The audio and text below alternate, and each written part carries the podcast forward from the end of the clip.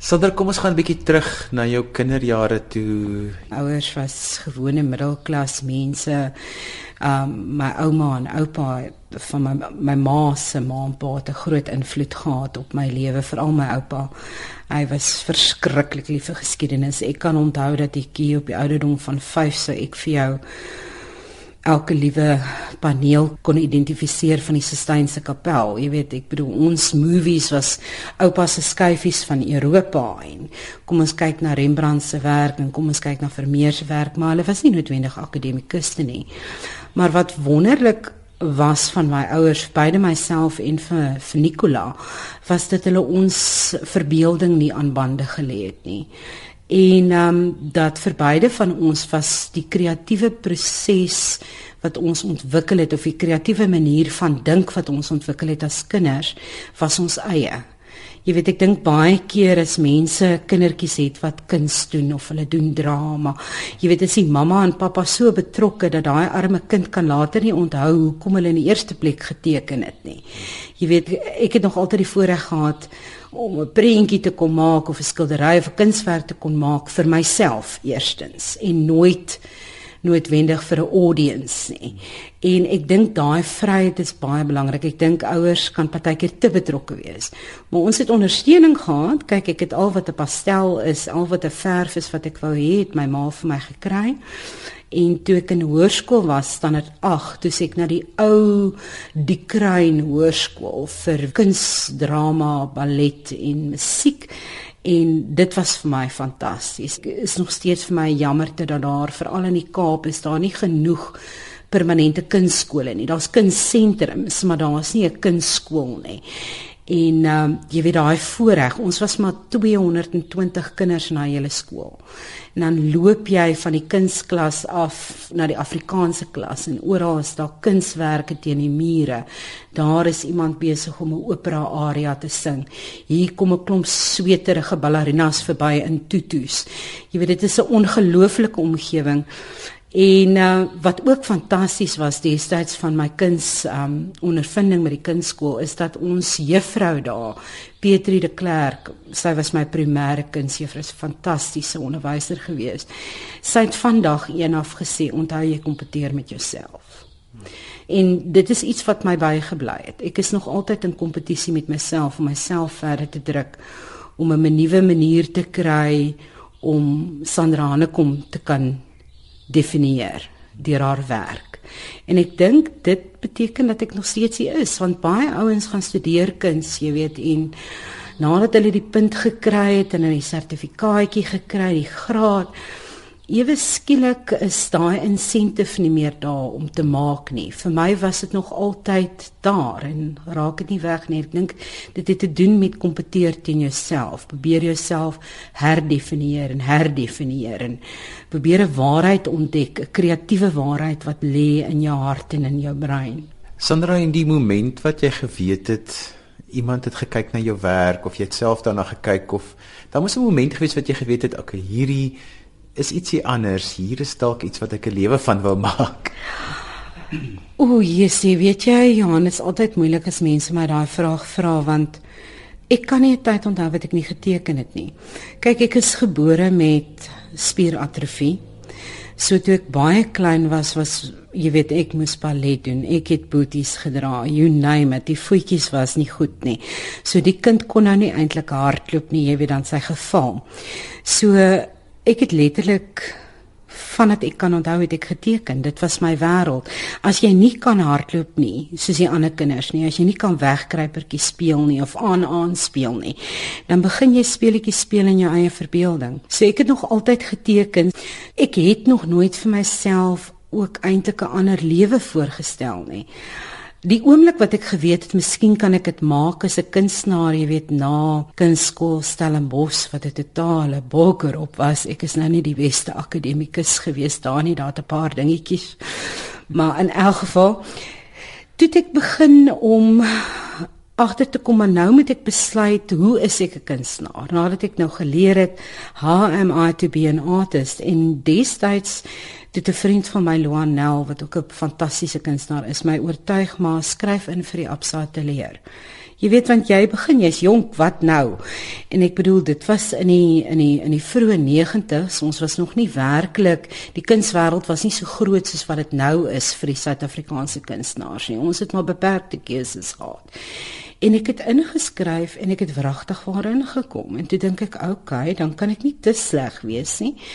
En van daardie af begin jy maar stadig jou betrokkeheid, jy dien op kunsterade, jy begin hier 'n uitstallingkie reël en daar 'n uitstallingkie reël en hou 'n solo en stadig maar seker begin werk, mense jou werke koop en jy dink, "Jesus, iemand wil wil lewe met al hierdie goed wat uit my gemoed uitkom." En ehm um, en jy hou net aan maak. Ek dink die groot triek is to make. Um, baie jong kunstenaars vra vir my want kyk ek is nou nie wat ek sal noem um, akademiese kunstenaar in die sin van doen groot biennales of gaan oor see nie maar ek maak 'n lewe uit my kunsheid en uit my kuratorskap uit.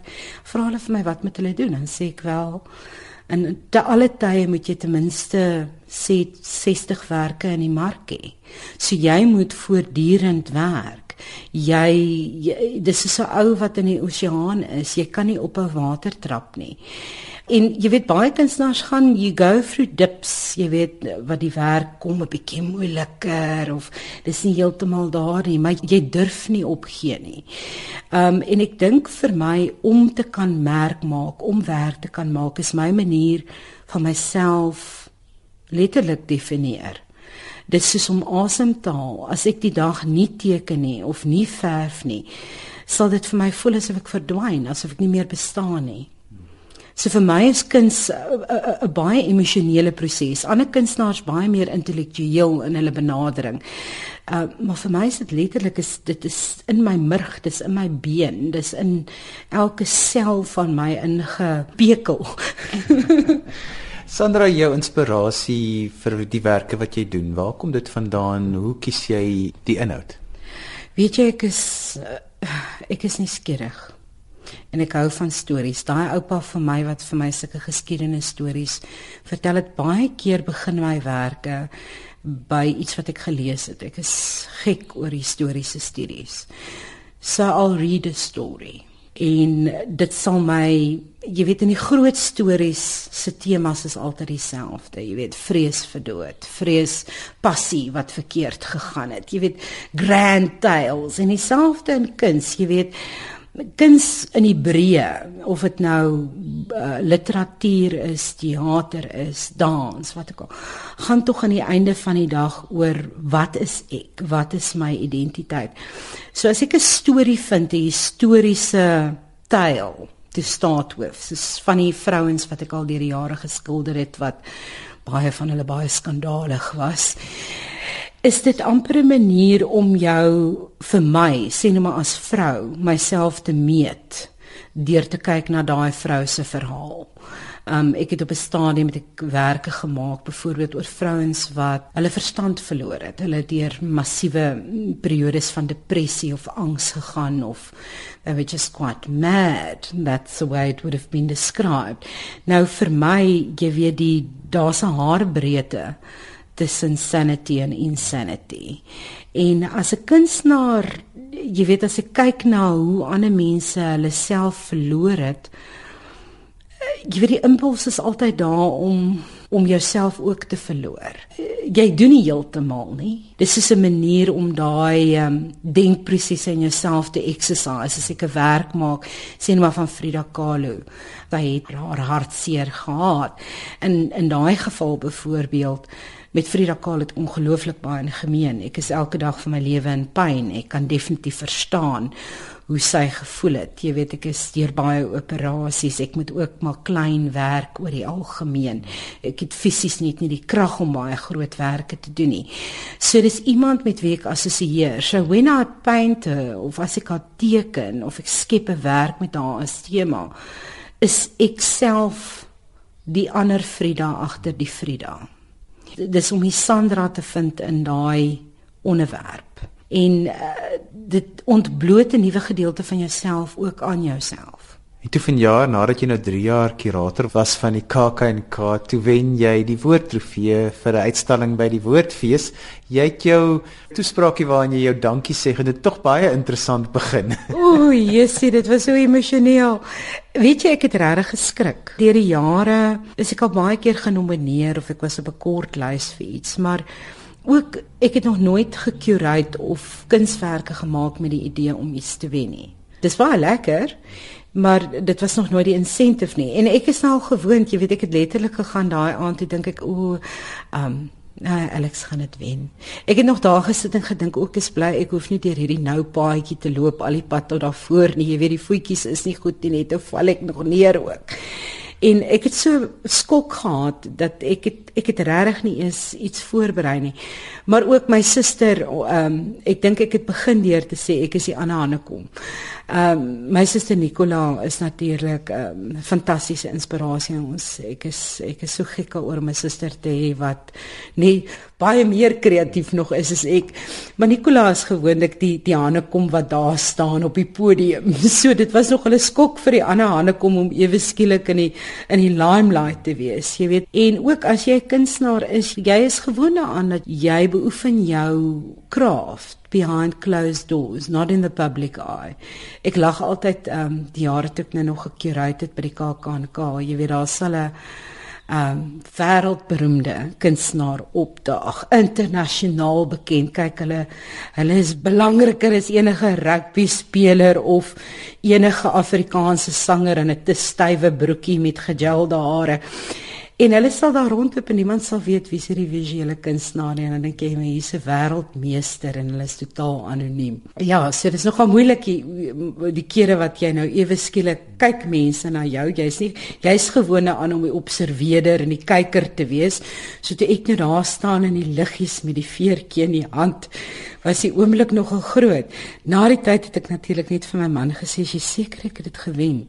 Want ek het gedog miskien het ek 'n Bridget Jones oomblik gehad en en iets in my kop gehoor en ek moes nie eintlik al weet nie kyk ek maar op die beeldjie te sien ek nee daar staan my naam Sandra te doen jy van jare baie interessante uitstalling waar jy weer eens as kurator uitgestaan het en dit was die burger se 100 jaar uitstalling om 'n bietjie dit te gedenk saam met die Suidoosterfees dit was regtig 'n baie interessante uitstalling wat jy bymekaar gesit het. Dit was 'n groot voorreg om daai uitstalling aan mekaar te gaan sit en 'n groot nagmerrie. Jy weet want jy kyk na 100 jaar, jy kyk na 'n grootse instelling met die burger. En jy weet 'n 100 jaar van burgerpolitiek en van Suid-Afrikaanse politiek, wêreldpolitiek, gebeurtenisse. Wat neem jy, wat laat vaar jy? Hoe skep jy 'n uitstalling wat 'n emosionele raakpunt het by die publiek maar wat respek toon veral in Suid-Afrika en almal se gevoelens. Ek het die uitstalling nadat ek met Van Booyens gesels het, ehm um, wat die wat die ongelooflike redakteur is van die burger te sê ek voel maar kom ons fokus op die taalbydra van die burger as sulks en een of twee van die karakters van die mense wat werklik bygedra het tot die journalisme. En dan kyk ons na sekere kardinale punte in die Suid-Afrikaanse geskiedenis. Hier en daar grootse oomblikke in wêreldgeskiedenis, jy weet die maanlanding, eerste man in die ruimte, Hiroshima, Nagasaki. En dan moes ons kyk na politieke gebeure in Suid-Afrika en ikone. Maar die gedagte was dat ek I wanted to have icons and anti-icons. Jy weet ek dink baie keer in Suid-Afrika as ons geskiedenis vertel, vertel ons dit van af 'n enkele oogpunt. Ek wou hê dat dinge teenoor mekaar staan en geheekste posisioneer wees en ek het ook hier en daar gefokus op um momente in ons geskiedenis wat nog steeds ekho. Ehm um, as jy byvoorbeeld kyk ehm um, Chicho Madikida se werk wat hy gemaak het, ehm um, sin speel beide op die informasieskandaal sowel as die Nkandla skandaal. Jy weet sekere uh, politieke brandpunte herverskyn oor en oor en oor. En dan was daar natuurlik ook huidige eh, situasies waarna ons moes gekyk het byvoorbeeld die vrylating van Eugene de Kok is 'n werk wat daai en Victor gemaak het, maar met spesifieke verwysing na die Waarheids- en Versoeningskommissie, want ek dink nou 21 jaar daarna begin ons kyk byvoorbeeld na die Waarheids- en Versoeningskommissie en ons sê maar waar was van die kortvalle, hoe dit werklik uitgedraai. Jy weet, ek kyk nou, um, in Duitsland is daar nou 'n man van 93, 'n Nazi wag of iemand wat in een van die kampe was wat nou ewe skielik weer jy weet gebieg het oor die rol wat hy gespeel het. Nou ek bedoel daar byvoorbeeld net om te kyk na wat se verskil tussen die Nuremberg trials gewees en die waarheids- en versoeningskommissie. Hierdie werk byvoorbeeld was interessant want Eugene de Kock kyk spesifiek na hierdie wasige beeld van Klaas Barbie. Jy weet en ek dink dit is belangrik om te kyk na monsters en mense en mense en monsters wat miskien maar dis eintlik aan die einde van die dag dieselfde is.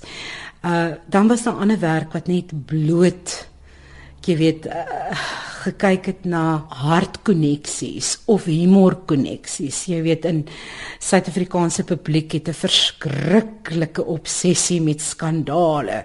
So Hanni Tout het vir ons 'n fantastiese werk gemaak van Glenda Kemp um, met so 'n uh, embroidery van oupa die slang en gevra maar dink Glenda nog aan oupa jy weet en dan daai werk as jy nou kyk of was 'n werk deur Jan de Tooi oor die Tilbag aardbewing. Nou kyk Jan sou ook vir jou sê dat Glenda se verskyning in Tilbag destyds was soos 'n aardbewing in die kleine. Jy weet so dit is it was stories en wat vir my fantasties was is die die publiek se reaksie. Want ek was bang oor 'n bietjie van die moeilike werk hoe gaan mense reageer? Jy weet veral nou met waar mense ewe skielik soos my history your history how do we tell history. En weet jy, mense was gretig om te gesels oor die stories, om te kyk na die stories, om dit in heroonskou te neem because it was their warts and all. It didn't make any excuses. Jy weet en dit het net vir mense die geleentheid gegee om letterlik weer te kan herbesoek en weer te kan gesels daaroor. Ek dink daar's te min geleenthede vir die breë publiek om hulle tande te kan inslaan in uitdagende uitstallings. Jy weet en dit is die wonderlike ding van feesuitstallings. Want oor die algemeen nog die groter publiek in Suid-Afrika is baie bang om in van daai kil galery spasies in te gaan. En dit is waar feeste 'n wonderlike rol speel met die visuele uitstallings wat jy daar kan hê want vir baie mense is dit hulle eerste blootstelling aan kontemporêre kuns. Hulle eerste blootstelling aan werk wat meer is as net 'n prentjie. Um 'n kunswerk wat hulle uitdaag om te dink en te voel en weer te dink en te voel en te kyk na die werk wat langs daai werk hang en te sê maar wat is die konteks hier? Hoe gesels hierdie twee kunswerke met mekaar? En dit is hoekom ek so gek oor is om kunstefeeste uitstallings te curate. Sandra, nou die pad vorentoe, wat is daar wat nog vir jou opgewonde maak? Weet jy my man lag altyd en my vriende want as hulle vir my vra maar wat wil jy nog doen dan sê ek nee, ek wil net nog 'n prentjie teken.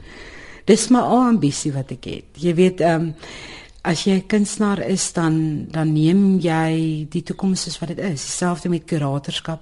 Ek sal baie daarvan hou om nog projekte te kan doen in die toekoms. Dit is vir my lekker. Dit maak jou gek om 'n kurator te wees want jy word 'n jy moet jouself vervorm in hierdie bobaas administreerder wat natuurlik altyd 'n uitdaging is vir 'n visuele kunstenaar. Maar vir my is dit bloot net om nog te kan teken. Just to paint, just to draw another day. Dis so eenvoudig soos dit. Daar's 'n wonderlike iets deur Francisco Goya van hierdie ou oomietjie wat loop met hierdie kiertjies. En al wat daaronder staan onder hierdie iets is I'm still learning. En dit is dieselfde vir my. Elke tekening, elke skildery leer ek weer. Dis al, dis al letterlik. Kan ek môre asseblief nog teken?